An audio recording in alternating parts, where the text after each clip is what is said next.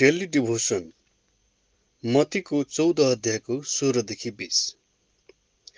तर यसुले तिनीहरूलाई भन्नुभयो तिनीहरूलाई जानु आवश्यक छैन। तिमीहरूले नै यिनीहरूलाई खान देऊ।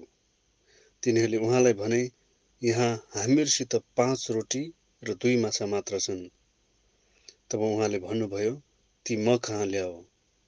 उहाँले भिडलाई घाँसमा बस्ने आज्ञा दिनुभयो र ती पाँच रोटी र दुई माछा लिएर स्वर्गतिर हेरी परमेश्वरलाई धन्यवाद दिनुभयो र रोटीहरू भाँचेर चेलाहरूलाई दिनुभयो र चेलाहरूले मानिसहरूलाई दिए।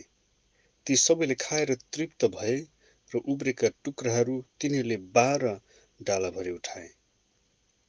यसुको पछि लागेको भिडलाई उहाँले माया गर्नुभयो।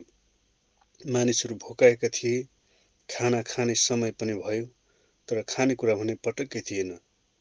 चेलाहरूले एउटा केटासँग भएको पाँच रोटी र दुई माछाको बारेमा बताए। यसले भन्नुभयो ती म कहाँ ल्याऊ?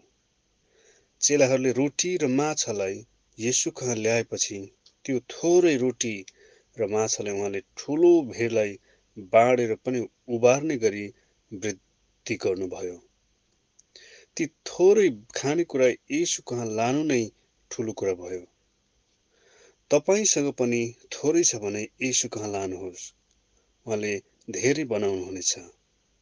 आफूसँग भएको सामानलाई हेरेर यसो नभन्नुहोस् यतिले के पुग्ला र? यति थोरैले के नै हुन्छ र?